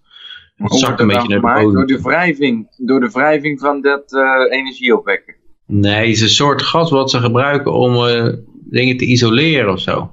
Ja. Oh, oh de, de- hoe ze gemaakt worden. Ongelooflijk, jongen. Wat een oplichting. Ongekend. Nou, Straks al de ja, ik- windmolens het weer zou me verbazen als dat ook weer, als je dat in kaart gaat brengen, dan, dan doet het ook weer geen, geen bal. Het is gewoon weer, komt er straks weer een besluit dat alle, alle windmolens vervangen moeten worden of zo. Omdat er weer nieuw materiaal op moet. Allemaal geen En dan, zeggen, dan maken ze zichzelf weer wijs, dat, wat, wat creëren wij toch een hoop banen met onze verboden en geboden allemaal. Eh, maar ondertussen word je natuurlijk allemaal steeds armer door dit soort noodloze energieverspilling. En het jammer is gewoon dat die mensen echt denken dat ze dus, als ze die regels dan uitvoeren zoals ze dat doen, dat ze dan goed bezig zijn. Terwijl dat ze gewoon dingen niet meerekenen die wel relevant zijn, of dingen wel meerekenen die niet relevant zijn. Maar het gaat er maar om, als het regeltje maar uitgevoerd wordt, dan is het goed. Weet je wel, totaal geen, nou ja goed. Nou, Maar Het is ook niet helemaal waar, maar dan is toch elke keer weer een beetje het gevoel. Dat ik ja, bevel is bevel, hè? Dat is eh, toch Ja. wat ideaal. En zelf vooral niet nadenken, gewoon lekker Just uitvoeren. doing my job. Ja, ik heb het gewoon, ik heb het goed gedaan, want eh, zo moest het. En Ja. ja, ik heb eh, eerst doorgelaten en toen de trekker overgehaald. Volgens mij heb ik het goed gedaan. Ja. En die windmolens die lekken het eh, gas zwavelhexafluoride. Extreem zwaar en schadelijk broeikasgas. Dus als isolatiemateriaal. SF6 wordt het ook wel genoemd. Oké. Maar eh, da- daar, daar, eh, dat hebben ze nog niet ontdekt. Dus het, eh, het zit niet in de, in de broeikasgasovereenkomsten. Ja, Ja, dan gaan we, gaan we even naar de, naar de boze Amerikanen toe. Hè? Want Nederlands eh, subsidies voor eh, biomassa maken onze natuur kapot. En niet alleen de bosbranden in Californië, ook de Nederlandse subsidies. Ja, Ja, het en wel hun- een, eh, In hun subsidie op ethanolbrandstof maakt Afrika hongerig. Dus zo kunnen we allemaal wel gaan lopen. zeuren. Ja. ja, plus dat die vliegdekschepen die varen allemaal op eh, eh, bio-ethanol. Eh, die eh 16 dollar per gallon kost geloof ik. Of synthetische dieselolie of zo is het. Dat is ook een of ander eh, ja, belachelijk eh milieu iets. Waarvan je natuurlijk al aan de prijs kan zien van 26 dollar per gallon. Dat, het, dat, het, eh, dat daar heel veel energie in is gaan zitten. Eh, want anders zou het wel goedkoper zijn. Maar ja, in principe moet je ze wel gelijk geven. Die, die Amerikanen zijn boos op de Nederlandse regering. Want die zeggen onze miljarden subsidies voor biomassa. Nou, dat geeft ook alweer aan dat, dat wij onze, onze energie, als die zo duur moet zijn, dan is er een heleboel energie in gaan zitten om die, om die biomassa te groeien en hier te krijgen. Maar zij zeggen, ja, dat sloopt de Amerikaanse natuur en maakt de inwoners ziek. Maar je kan het natuurlijk ook niet verkopen. Dat uh, zou ook een goed idee zijn. Je hoeft het niet per se aan de Nederlandse overheid te geven als die een hele hoop geld aankomen zetten. Maar ja, dat doen ze wel. Maar er zijn wel foto's van ook. Het is inderdaad, de, uh, het redden van een planeet maakt gewoon een enorme uh, wasteland van bepaalde natuurgebieden. Het is inderdaad helemaal afgehakt en ja, een enorme teringzoor. En aan de andere kant, in Californië mag dan geen boom meer gehakt worden, wat een, dan een enorme wildgroei uh, tot gevolg heeft. Maar wat dan ook betekent dat het één grote uh, tinderbox is. Hè? Dus als er dan een keer een brand uitbreekt, dan staat alles zo dicht tegen elkaar aan. Wat er niet gekapt is, dat de hele zaak in één keer afvikt. Dus dat is ook niet handig. Ja. Maar ja, ik geloof dat iets van 80.000 hectare per jaar uh, in de EU uh, elektriciteitscentrales gaan om de natuur te redden. Dus al die bomen worden omgehakt om de natuur te redden. En zo zijn we lekker bezig. Ja. Terwijl iemand zei van ja, eigenlijk is biomassa is gewoon uh, nog levende steenkool. Dus ja, waarom... Ik kan eigenlijk net zo goed steenkool uh, verbranden. Dan in die boom laten leven. Het is dan de bedoeling dat die bomen worden teruggeplant, hè? Ja, dat is nog niet Daar... op de foto te zien, maar... Uh... Nee, maar dat is dus vaak ook het punt. Degene die belooft van ik ga die bomen dan terugplanten, die doet dat dan maar half of weet ik veel wat. Maar dat is het idee achter die bomen kapt, dat je net zoveel bomen terugplant en dan ben je toch neutraal. Ja, en als je een commerciële partij zou hebben, die daar veel geïnvesteerd had, die zou dat ook doen. Want die wil gewoon daar een, uh, tot in lengte van dagen geld uittrekken. Dus die gaan, dat, uh, die, die gaan dat bijplanten en weer omhakken en weer bijplanten, omhakken. En die halen daar een, stroom inkomen uit. Maar wat er gebeurt als de overheid die licentie afgeeft aan voor vier jaar, dan krijg je een partij die er dan in komt. Die denkt, ja, wij hebben een licentie voor vier jaar. We kappen het gewoon helemaal kaal. Want na ons krijgt de concurrent het. En we gaan we even zorgen dat er helemaal niks meer over is. Dus ja, dan uh, wordt het ook helemaal leeggehaald bij dit uh, het systeem waarbij de overheid de beheerder is. Ja, nou en uiteindelijk waar het geld regeert boven het natuurbeleid. Waar het dus gaat om de cent verdienen. In plaats van dat mensen allen ook denken, oh over tien jaar moeten we ook nog een boom om kunnen halen. Ja, maar dat heb je dus als je een private investeerder hebt die zijn eigen geld erin steekt. Die wil er over tien jaar ook nog wat uithalen. Ja, okay. Net zoals een huiseigenaar die zijn eigen geld in zijn huis steekt. Ook nog wil dat het huis over tien jaar overeind staat. En dat is over het algemeen een huurder, ja, die kan het wat minder schelen. En dat is... Uh... Ik zal eens even een peuk opsteken hier in mijn huurhuis. Ja. Bij ons mag het nog. Ja. En de asbak, en de asbak omvergooien. ja, dat doe ik ook honderd keer per dag. Is niet anders, hè. Soms heb je dat. Ja. Ik heb toch een huurhuis. Smeren tegen de muur omhoog. ja, dan gaan we ondertussen naar het volgende bericht toe. Uh, dan gaan we even naar de vakbonden. Die, die zijn ook aan het uitsterven. Uh, volgens mij ieder jaar hebben we dit, uh, dit soort berichten over de vakbonden. Vorig jaar hadden we ook een uh, soortgelijk bericht dat ze al sterven. ik vind er wel een hele mooie foto bij staan ook. Van één, één oudere vrouw en nee, twee oudere vrouwen en eentje met een lange feestneus op en een strooien hoed. En, en nog één die er nou, niet helemaal duidelijk is of ze er ook bij hoort, maar die heeft niet de moeite genomen om een bord vast te houden of zo. En er staat, lieg niet, bevriezen is verhogen, rekenrente omhoog, AOW op 65 jaar.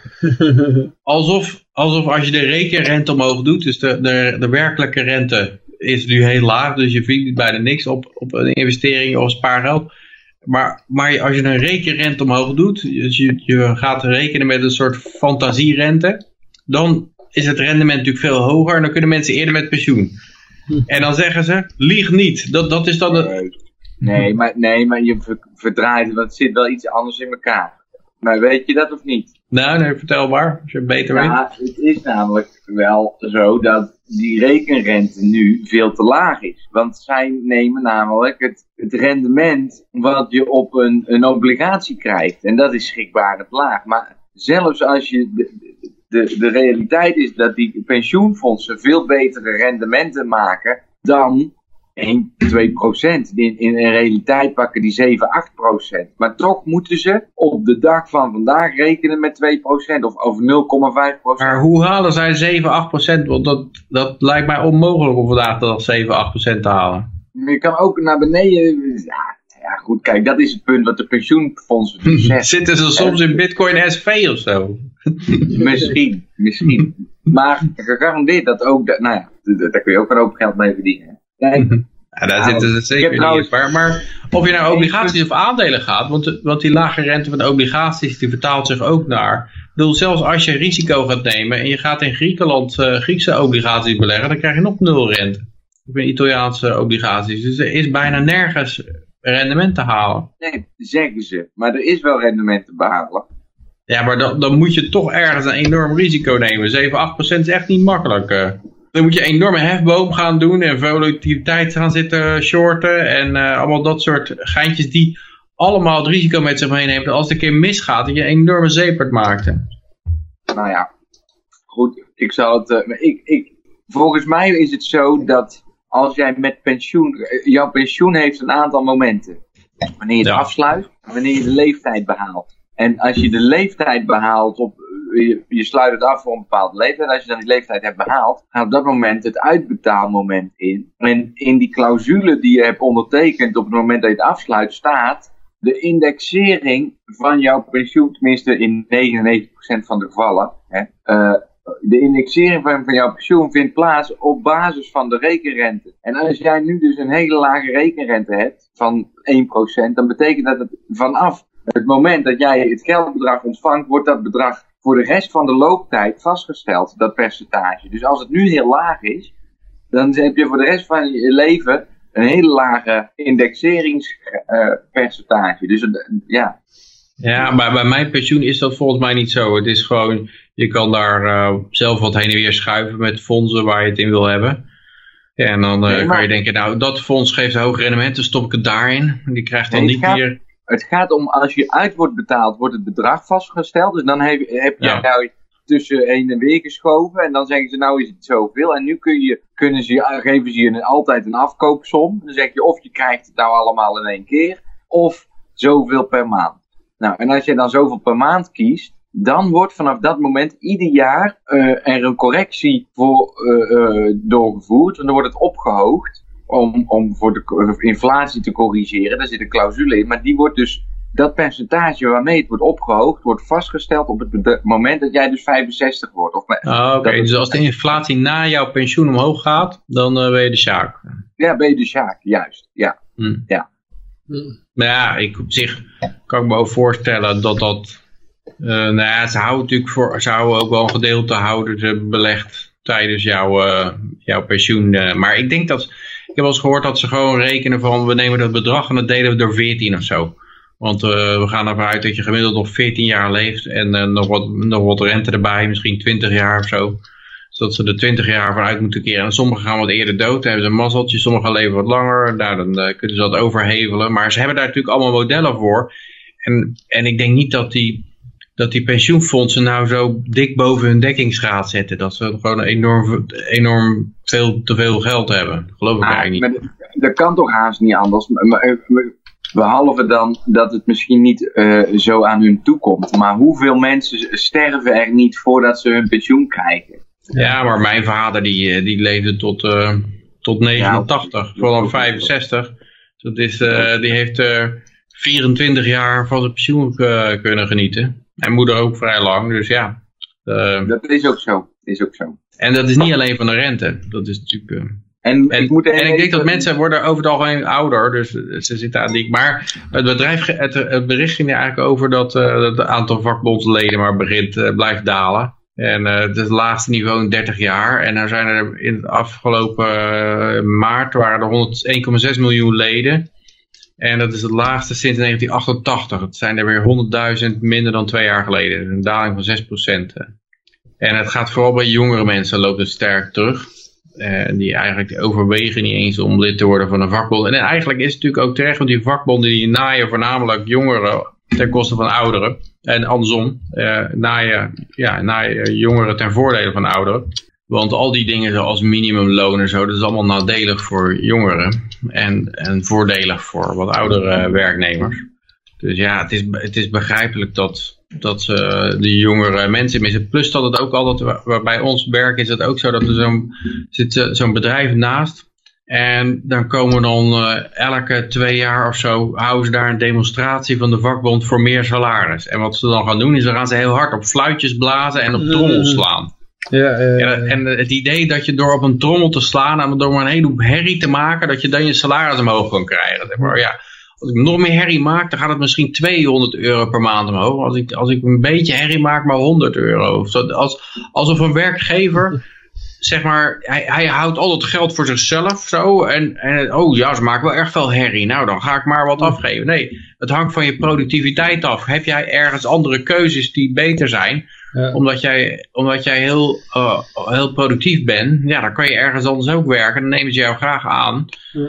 tegen zo'n salaris. Maar als jij gewoon heel hard op een, op een... Deze ook, dat zijn dan mensen die hebben dan een feestneus opgezet en een stroemmer op hun hoed op hun hoofd. En, en dat moet dan voor meer salaris zorgen of voor een beter pensioen. Dat is natuurlijk... Je moet, je moet voor gein al die beelden van al die demonstraties naast elkaar eh, zetten. Bij verschillende bedrijven, verschillende takken van, uh, de industrie. Dan zie je steeds dezelfde mensen. Ik heb het van de keer hmm. dichtbij meegemaakt. Dat was, uh, beroepsdemonstrant. ja, beroepsdemonstrant. Want uh, ik heb meegemaakt bij een bedrijf. Nou, er staat voornamelijk Polen werkte daar. En niemand van hen zat bij een vakbond. En er zaten gewoon bij het hele bedrijf zat maar één of twee mensen bij een vakbond. En er kwam er op, een gegeven moment, ja, die gingen dus uh, staken. Die man die heeft gewoon, geloof ik, een paar dagen daar in een tentje uh, erbuiten gestaan, weet je wel. Heel ziels, ziels alleen. Nou ja, toen kwam dus de, de NOS langs. En toen kwam er ook tegelijk met de NOS ook. Dat vond ik heel opvallend. Uh, er kwamen een uh, paar van die tourbussen aan en uh, er kwamen allemaal mensen van de vakbond, die kwamen daar heel, heel luidkeels demonstreren. En nou ja, goed, dat kwam allemaal op camera, beeld. Ik heb het later ook op de NOS gezien. En nou ja, het ging de NOS weg. En tegelijkertijd, tegelijkertijd ging ook de, de tourbus met vakbondsleden weg. En toen stond die ene man van de vakbond van het hele bedrijf, een paar honderd man die daar werken, die ene vakbondslid, zat daar weer ziels alleen daar in een tentje. Nou, ik denk ook het aantal zelfstandigen is gewoon enorm toegenomen, mm begreep ik. Ondanks alle maatregelen van de overheid om het leven uh, ondraaglijk te maken. Maar ik denk dat de zelfstandigen gewoon heel goed begrijpen waar, waar je je geld mee verdient. Door producten te leveren en door je klanten gelukkig te houden en zo. Die zitten natuurlijk heel erg erin. En die weten gewoon dat als ik naar mijn klanten toe ga en ik ga daar hard op een fluitje blazen en op een trommel slaan, dan ben ik een klant kwijt. dat is niet dat hij dan meer gaat betalen, dan houdt het gewoon op. Dus eh, zij, ik denk dat ze weer aanvoelen dat dat gewoon eh, niet werkt zo. Het is geen klassenstrijd waarbij je gewoon allebei de partijen zoveel mogelijk geweld moeten gebruiken om zoveel mogelijk geld binnen te halen. Het is, het is een kwaliteitenstrijd in plaats van een klassenstrijd. Ja, maar dan gaan we even naar het onderwijs toe. Democratisering. Even de koekenmeldingen wegklikken. In de brugklas uh, al grote verschillen in uh, democratische uh, waarden. Oké. Ja, dan hebben ze, dan gaan ze vragen aan kinderen waar ze nou vertrouwen in hebben. En dan, dan zien ze dat leerlingen op het VMBO hebben wel minder vertrouwen in de overheid dan in uh, het VWO. dus dan kan je gewoon zien dat de indoctrinatie beter werkt. Uh, die, die, uh, dat hoor je ook veel van die, van die specialisten op het gebied van propaganda zeggen. Dat intellectuelen eigenlijk het makkelijkste pakken zijn voor propaganda. Die gaan, ja, die gaan al die dingen allemaal in hun hoofd. Kunnen ze heel makkelijk een verklaring vinden voor rare, rare zaken eigenlijk. in plaats van iemand die gewoon zijn boerenverstand gebruikt. Die zegt van, hé, hey, slaat dit nou op? Maar maar intellectuelen die gaan heel erg uh, zitten. Oh ja, natuurlijk, maar uh, ja, de stikstof uh, en niet zo gemeten, maar zo gemeten. En het, het, is, het is ook heel verraderlijk om, om je intellect te gebruiken om allerlei uitzonderingen te verzinnen. Terwijl iemand die grote boerenstand gebruikt, die zegt van ja, wacht even, waarom moet ik mijn geld afdragen aan hem en mag hij mijn geld uitgeven? En ja, voor een voor een intellectueel iemand. Die kan allemaal verschillende klassen gaan bedenken. En uh, een uitzondering op die regel. En uh, ja, dat, dat, uh, het is een vaak een valstrik. Dat zie je hier wel mooi terug in het, uh, ja, er staan een heleboel onderzoekjes in, in het artikel van de NRC. Maar dan zie je dat uh, steun voor, verschillende bestuursvormen. En dan zie je de gekozen politici. Dat, daar, zijn, daar zijn dan 22% of zo is het daar uh, erg mee eens. Alle Nederlanders, dat zijn de, dat, die hebben nog het hoogste. Dat zijn bijna 38% die vinden dat alle Nederlanders bestuur, bestuurd worden door alle Nederlanders. Dat is dan het beste. Ja. Experts, dat wordt al wat minder. Eén sterke leider, dus nog steeds 11 of 12 procent van de mensen die zeggen, ja, één sterke leider, dat moeten we hebben. Grote bedrijven, dat is echt maar 3 procent. En religieuze leiders is ook maar, maar ja, 2 procent of zo. Dus dat, is, uh, dat valt al niet zo goed. Oh, maar het zijn wel interessante grafiekjes. Ik weet niet hoeveel steun je eraan moet hechten. Maar als je dus uh, kijkt, dan zie je dat de, bijvoorbeeld het oh, oh, binnen, Amstdragers, naar, Amstdragers naar... Komt dat binnen? Op school leer je niks zinnigs. Je weet dat het van Yoshi is. Op school leer je niks zinnigs. Van Ron. Ja. Okay. De vaste luisteraar. Ja. ja, er staat dus vertrouwen in ambtsdragers naar opleidingsniveau. Dan zie je dat de VWO-basis heeft het minste vertrouwen in in uh, ambtsdragers. En VWO en de brede brugklas en HAVO-VWO, die, die hebben het hoogste vertrouwen in ambtsdragers. dus, ja, dat is, uh, dat is geen goed teken dit. Nou Ron, uh, op school leer je wel stil te zijn en op een stoel te zitten. ja. Dat zijn ook kwaliteiten die je soms nodig hebt. en om je bek te houden en te zeggen, ja meneer, Komt in orde, meneer. Je wil mijn Führer en je hand, uh, je rechterarm opsteken naar uh, de vlag, hè? Pledge of Allegiance. Ja. Hey, onze, onze koning sprak in Breda vandaag. Ik kom uit Breda. Onze koning? Uh, heb jij een koning? nee, ik heb een dictator, Johan. Oh, dat weet zo. ja, volgens Peter is dat, hè? Dat zijn niet mijn woorden. Dat heeft Peter gezegd. onze, Peter onze koning zegt. Het is wel mooi. Ik kan elke keer naar het filmpje verwijzen. En dan zeg ik, ja, ik heb niet verzonnen dat ik een dictator noem. Ik heb gewoon naar Peter geluisterd. Dat is een goede vriend van mij van Vrijheidsradio. Oh. Want die heeft daar heel veel verstand van. En die zegt het. okay. Hij zei het zelf. Kun jij dan uh, binnenkort ook zeggen dat uh, Liberland.info wel op een democratische manier zijn president kiest? Ik doe nog voorlopig geen, eh, geen, geen spraatjes meer. Hij, hij had toch laatst, Johan, Johan we hadden toch laatst, had jij ook weer een opmerking gemaakt dat hij de Hans Wiegel van de Libertariërs was. Het is toch weer... Uh, ja, hij, lult, hij lult liberaal, maar meent er niks van. hij had... Uh, hij had, eh, iemand had... Oh, er komt weer wat binnen, er komt weer wat binnen. VMBO is het beste. VMBO is het beste, van Ron, oké. Okay. Hm. Oh ja, met die minste vertrouwen hadden in, uh, ja, in, in sterke vrij middelmatig, vrij middelmatig beroepsonderwijs. Ja, maar die zijn wel in ieder geval, dat, dat bleek weer uit het onderzoek, uh, daar moeten we gewoon voortaan, daar moeten de libertarische partijen leden gaan werven, bij het VB, VMBO. Ja.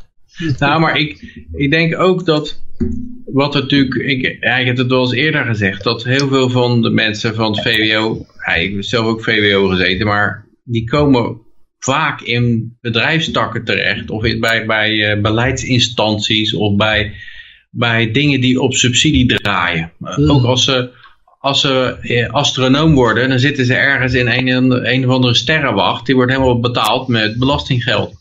Ja, En, en het VMBO, die, die werken in een garage om auto's te repareren. En die betalen de belasting daarvoor. Ja. Dus uh, heel veel intellectuelen, er, er, wordt, heel veel intellectuelen doen vaak alsof de, alsof de, wat, de beroepen zeg maar, in leven worden gehouden door de intellectuelen. Want die moeten tenslotte de vergunning afgeven voor de, de stikstofvergunning. Uh, als ze die niet afgeven, ja, dan, dan gebeurt er helemaal niks.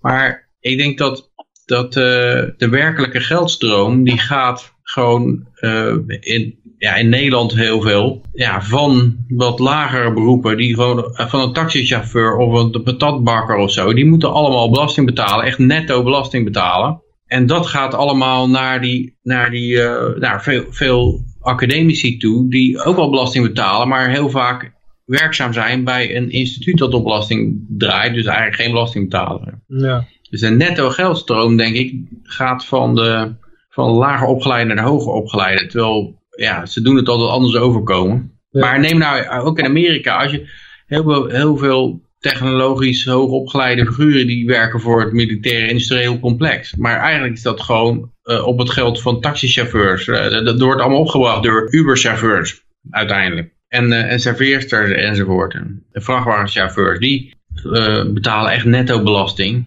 om, Ja. om, eh om Lockheed Martin in de eh, lucht te houden. Die moeten dan ook wel eh, 10 miljoen miljard eh, te- terug gaan betalen als dat waar zou zijn. Dan zouden ze- als die het echt zouden betalen, dan zouden er niet zoveel staaljagers rondvliegen, denk ik. Hoor. Ja, het Er zijn natuurlijk een hele hoop. Er, komt, er is toch veel meer geld uitgegeven dan dat dat binnengekomen is, dat bedoel ik. Ja, er wordt ook hoop geleend. Die mensen hebben helemaal nergens voor betaald. Joh. Er zijn allemaal de toekomst heeft ervoor betaald. De kinderen van onze kinderen. Ik geloof de Amerikaanse overheid die haalt 4 biljoen binnen. En de schuld is iets van 20 biljoen. Dus ehm, ja, de schuld daar, dat is ook niet helemaal waar. De, de echte schuld is geloof ik aan, aan verplichtingen die eh, niet, eh, eh, waar geen geld achter zit. is geloof ik 220 biljoen in Amerika. Dat zijn toekomstige belastingbetalingen en uitgaves die, Ja. die we niet gedekt hebben. Ja, precies. Dus ja, eh, ja waar die vliegtuigen allemaal van eh, eh, betaald worden. Het is eh, in ieder geval al die, al die hele militaire toestanden, wordt natuurlijk allemaal betaald uit belasting. En ja, daar zitten, daar zitten heel veel wel hoogopgeleide mensen in die allemaal drones maken en raptors en, en dat soort figuren. Maar het, ik denk het volume van de belastingen wordt betaald door de middenklasse. Dat is gewoon altijd het geval. Dat de middenklasse gewoon de meeste mensen zijn. En die verdienen niet, ze verdienen niet extreem veel geld, maar ze verdienen, ze verdienen vrij goed. En dat zijn er veel. En, die, en de allerarmsten, ja, die hebben toch een uitkering. Dus ja, die, eh, die kosten een beetje geld. Maar daar, daar eh, wordt netto niks aan overgehouden. Maar de bulk zit hem natuurlijk bij de middenklasse. Ja, niet bij de expats, want die krijgen 30% korting. Precies. Ja, ja. Maar eh, we gaan nog even verder. Ik heb hier een ECB-berichtje. Vicepresident ECB eh, pleit voor eh, gecentraliseerd eh, begrotingsinstrument. Ja, oké. Een dergelijk eh, Wat Een dergelijk, eh, instrument. Ik ben echt benieuwd wat ze hier nou mee bedoelen. Volgens mij is dit niks anders dan dat ze zeggen... we willen per dag zoveel miljard bij kunnen drukken. Ja, ja, zoiets. Ja, ja, ja, ja. Ook iets een instrument noemen. Dan moet je gelijk al, eh, zeg maar, dan moet je eigenlijk je VMBO-haar al van overeind gaan staan. ja, ja, Er is een speciaal model, een model voor opgesteld. Instrument in wiens handen? Maar- In wiens handen? ja, hier een stukje verderop, het is dan het begrotinginstrument voor convergentie en concurrentievermogen. BICC. Komt naar schatting ongeveer 17 miljard euro voor de komende zeven jaar in. Een grote pot geld is volgens Macron nodig om eventueel financiële schokken in het eurogebied op te vangen. BICC is aanzienlijk kleiner en niet bedoeld om schok- schokken op te vangen, maar om concurrentie te stimuleren. Dus eigenlijk het is gewoon een pot geld van 17 miljard euro om lekker mee te gaan rondstrooien als eh, investeringen. Mensen om En te eh, dan krijg je kopen, natuurlijk een bedrijven. heleboel mensen die, eh, die jouw boots gaan likken als je met 17 miljard, als je met een dik van 17 miljard rondzwaait. Als jullie je vrijwillig aan de stikstofnorm houden, krijgen jullie zoveel miljard. Zoiets. Ja, ja. Wat je uiteindelijk allemaal jezelf betaald hebt, maar eh, je krijgt het wel terug. Hebben we net Maar bijgedrukt. het is gewoon, het is al 17 miljard, maar dat is dus, dit is dus een kleine pot, hè? 17 Oh, dat miljard. is ook nog een grote pot. Macron die wil dus een grote pot hebben voor Aan de financiële andere kant van de regenboog. Ja, hier staat dus de kleine pot van 70 miljard, maar aan de andere kant, grote pot, er wordt erover nagedacht. Maar eh, Moet hij Ja. er eerst, doet hij de rits open, haalt hij zijn lul eruit. Oh, nee, oké. nee, ik dacht dat, het, dat er ook al eerder was al een pot van 100 miljard beschikbaar voor investeringen. Dat eh, had ik ook al eh, een keer gelezen. Dus er zijn een heleboel van dit soort potten beschikbaar. Eh, Maar dit is het dus gewoon. Een gecentraliseerd begrotinginstrument is gewoon een pot geld. Nou Johan, kies, nog drie, kies er nog drie uit. Drie wat? Drie berichten. Ja, ja, ja. En we hebben nog een vierde trouwens, die, maar die is heel kort een lolbericht. Eh die staat nog niet in de lijst. Even kijken hoor, justitieminister VS moet eh, democraten volledig eh, Rusland onderzoek geven. Oké. Ja, ik moest er een beetje om lachen, omdat als je dan Nederlandse nieuws leest, dan krijg je hetzelfde idee als ik met Ju- Jussie Smollett zag. Dat, je ziet al dat het een hele andere kant op gaat, dat nieuws. Je, je, je weet van die Jussie Smollett, wist je al vrij snel dat het een hoax was, dat hij hem zelf, eh, bedacht had. Omdat er gewoon aan het verhaal van allerlei dingen niet klopten. Maar het Nederlandse nieuws, ik volg vooral nu.nl, die gingen straf door op dit, eh, deze, deze vreselijke misdaad tegen de menselijkheid, waarbij deze arme zwarte homo-acteur door, door Trump-supporters midden in de nacht in elkaar geslagen werd. En je zag ze al, dat ze, waren, het, het is een beetje als Roadrunner die achter zo'n, eh, of die coyote die achter een Roadrunner aan zit. Dat hij nog een tijdje boven de lucht zweeft, dat ze Nederlandse nieuws nog denken dat ze, dat ze eh, iets te pakken hebben. Maar ondertussen is alle poten al onder hun stoelen weggezaagd. En zij zitten dus nog steeds op, het Nederlandse journaal, dat Justitieminister VS moet democraten volledige Rusland-onderzoek geven. Ze denken nog steeds dat er in dat Mueller-rapport iets staat wat, wat, wat niet naar buiten is gekomen. Waar, waarin toch een veroordeling van Trump is dat hij onder één hoedje met Poetin speelde en zo. Daar blijven ze maar op doorhakken. Maar ondertussen zie je in het Amerikaanse nieuws al, al de, zaak, eh, de zaak kantelen, helemaal richting de andere kant. Want wat er gebeurd is, is dat juist het onderzoek naar hoe die hele Russia investigation gestart is, is verhoogd naar een criminal probe. Dus er wordt nou, eh, nou crimineel onderzoek naar hoe, eh, wie erachter zat om dat, om dat hele Rusland-verhaal in werking te stellen. Omdat daar allerlei rare dingen zijn. Er is een of andere mifsuit in Italië. Is een soort dubbelagent. En die eh, zou gezegd hebben dat er dirt was over, over ehm, eh, eh, eh, hoe heet het? Dat er dirt was over Hillary Clinton, geloof ik. En eh, die mifsuit die kwam weer met Papadopoulos in contact. En de- waarschijnlijk, er zitten een heleboel schakels tussen. Maar uiteindelijk leidde dat ertoe dat de dat eh, regering Obama eh, kon spioneren op de, in de Trump-campagne. Dus die, die hadden zo'n eh, visa-warrant gekregen, omdat er zogenaamd buitenlandse inmenging was. En dat hadden ze zelf geregeld, die buitenlandse inmenging. Daarmee hadden ze een, een, een eh, vergunning gekregen, of een, eh, een papiertje, om te mogen afluisteren. En daarmee luisteren ze de Trump-campagne af. En nou blijkt eigenlijk dat, dat, dat ze dat helemaal zelf in werking hebben gesteld met hun eigen agenten. En daardoor zijn er een heleboel, daar is nou een criminele onderzoek naar gestart. Dus het, het gaat helemaal de andere kant op. Maar Nederlandse nieuws heeft het nog steeds niet door. Die denken nog steeds dat er, nog belangrijke eh, appels uit de dat je stil wordt als ze, als ze doorhebben dat ze op het verkeerde pad zit. Dan zitten ze al een tijdje van oké. En dan eh, opeens hoor je nog één berichtje en daarna niks meer erover. Dat is eh, de manier waarop dat afgehandeld eh, wordt. Is bij de vorige keer. Vond ik wel leuk om dat een beetje te volgen. Want je ziet een beetje die, die verbijstering van eh, wa- wat? Eh, eh, omdat ze gewoon van die bergen afgereden zijn. Vasthoudend aan het Mueller-rapport. En dan eh, tot de ontdekking komen dat ze geen parachute hebben ongeveer. Dus dat eh, vond ik wel interessant. Tussendoor, hoor je mij nu? Ja, Ja, ik maar hoor jou ook- drie keer in de echo, Johan. ja. Echo, oké. Ja, jullie vielen even weg. eh, dus, eh, ja. ja, ik ben voor ook even, zag ik. ja, klopt. Dat Ja, was, de, de eh, stream liep even vast. ja, dat was even een... eh, ik weet niet of jouw hele verhaal eh, overgekomen is, maar... Volgende week weer een kans. Ja, ja, ja. Precies. Ik zag Ja, trouwens... elke keer hetzelfde verhaal eigenlijk. Hé, wat? Oké. Wat? Wat? Wat? Huh, huh, huh? Oké. Nee, we hadden nog eh, één berichtje. En dat is eh, een, een berichtje voor de lol, staat erbij. Eh, ik zie dan eh, die El Baghdadi of zoiets. Die eh, nou net zijn eh, lidmaatschap van de CIA... El eh, Baghdadi. ja, die zijn lidmaatschap van de CIA eh, is nou beëindigd. Maar Nou, die, is- die, die is nou eh, gepromoveerd. Die zit nou met Epstein op een nieuw eiland. Op een eiland. Dat is het zeemansgraf. ja, maar wat is er aan de hand? En Osama Bin Laden schijnt daar ook eh, rond te lopen. Oké, wel goed vertel. Maar voor, een beetje voor de achtergrond, voor de luisteraar, als die het niet helemaal gevolgd heeft, wat eh, heel erg begrijpelijk is natuurlijk, maar is dat die eh, al-Baghdadi, dat is dan eh, zo zou de leider van ISIS zijn, die is, eh, heeft zichzelf opgeblazen bij een eh, aanval door Amerikanen, Amerikaanse commando's. En de Washington Post, dat is de krant van Jeff Bezos van Amazon. En die is altijd erg anti-Trump. En eh, het is niet de enige krant waarbij dit gebeurde. Er stond een hele lijstje titels.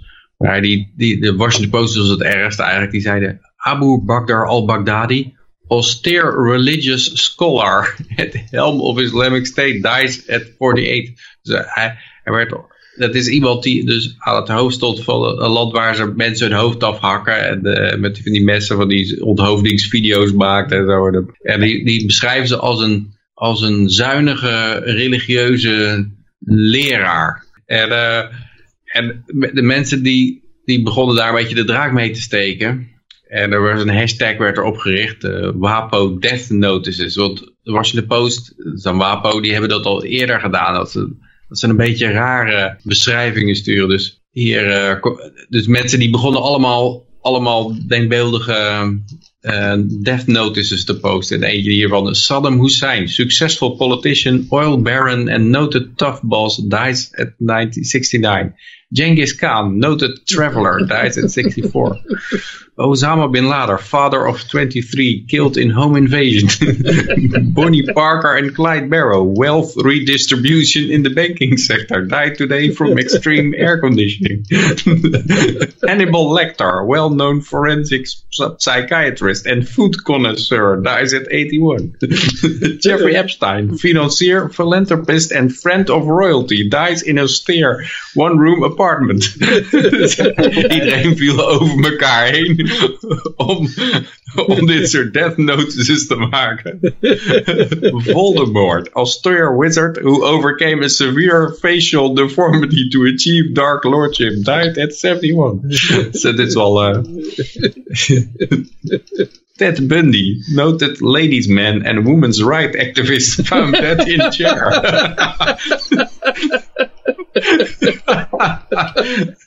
Dat gaat maar door. Mensen zijn enorm creatief. oh jee, Ja, ja. ja en het is gewoon onmogelijk als, als Trump iets goed doet, om naar, als Trump iemand op het leven laat brengen, dan moet dat een, een enorme held zijn. Hè? De voorstander van vrouwenrechten of weet ik veel wat. Maar ze kunnen het gewoon niet zeggen. Ze kunnen het niet uit hun hoofd krijgen dat, dat, dat hij ook maar iets goed gedaan zou hebben. Ja, je, kan je, voor, je kan je afvragen of dit iets goed is, wat, uh, of je daar nou zoveel verder mee. Maar het was, het was ongetwijfeld geen, uh, geen vrolijke vent wat ik er zo van gelezen heb, als ik dat allemaal mag geloven. Dan, uh, hij had geen gevoel maar, voor humor. Hij kon niet lachen om spop, spopperenten van de profeet Mohammed. Nee, het was... Het was iemand die, uh, die, die makkelijk met geweld was. Ja, ja, ja. Dus um, wat dat betreft is het goed dat hij weg is. Maar ja, je moet je ook geen illusies maken dat, er, dat er nou... Uh, ja, je hebt niet een hele cultuur veranderd door de leider om te leggen. Dat is net zoiets als die Turken, die hadden toen uh, de, de PKK-leider opgepakt. En toen uh, die werd ook zo tentoongespreid alsof nou, nou is het probleem opgelost. We hebben de leider te pakken. Ja, niet als je die Koerden gewoon blijft onderdrukken en een taal blijft verbieden en dat soort dingen. Ja, dan dan blijft het probleem gewoon bestaan natuurlijk. Goed, ja, maar ja, we zijn er door alle berichten heen. Okay, maar dat hebben we dan toch weer mooi bereikt. Ja, ja, ja. Zo, nou ja. Maar dan bereik je wel een beetje een moment aan, Johan. Ja, dan ga ik even een, een afkondiging uh, doen. Uh, goed, uh, ja, dames en heren, jongens en meisjes, uh, dankjewel voor het luisteren naar deze uitzending. En de deelnemers, uiteraard hartelijk dank voor het deelnemen. Uiteraard zijn we volgende week weer. En ik wens iedereen een vrolijke en vooral heel erg vrije week toe. En ik zou zeggen, toedeledokie. En oh, dan moet ik even naar de eindtune toe. Nou, ja, kijk, daar is hij.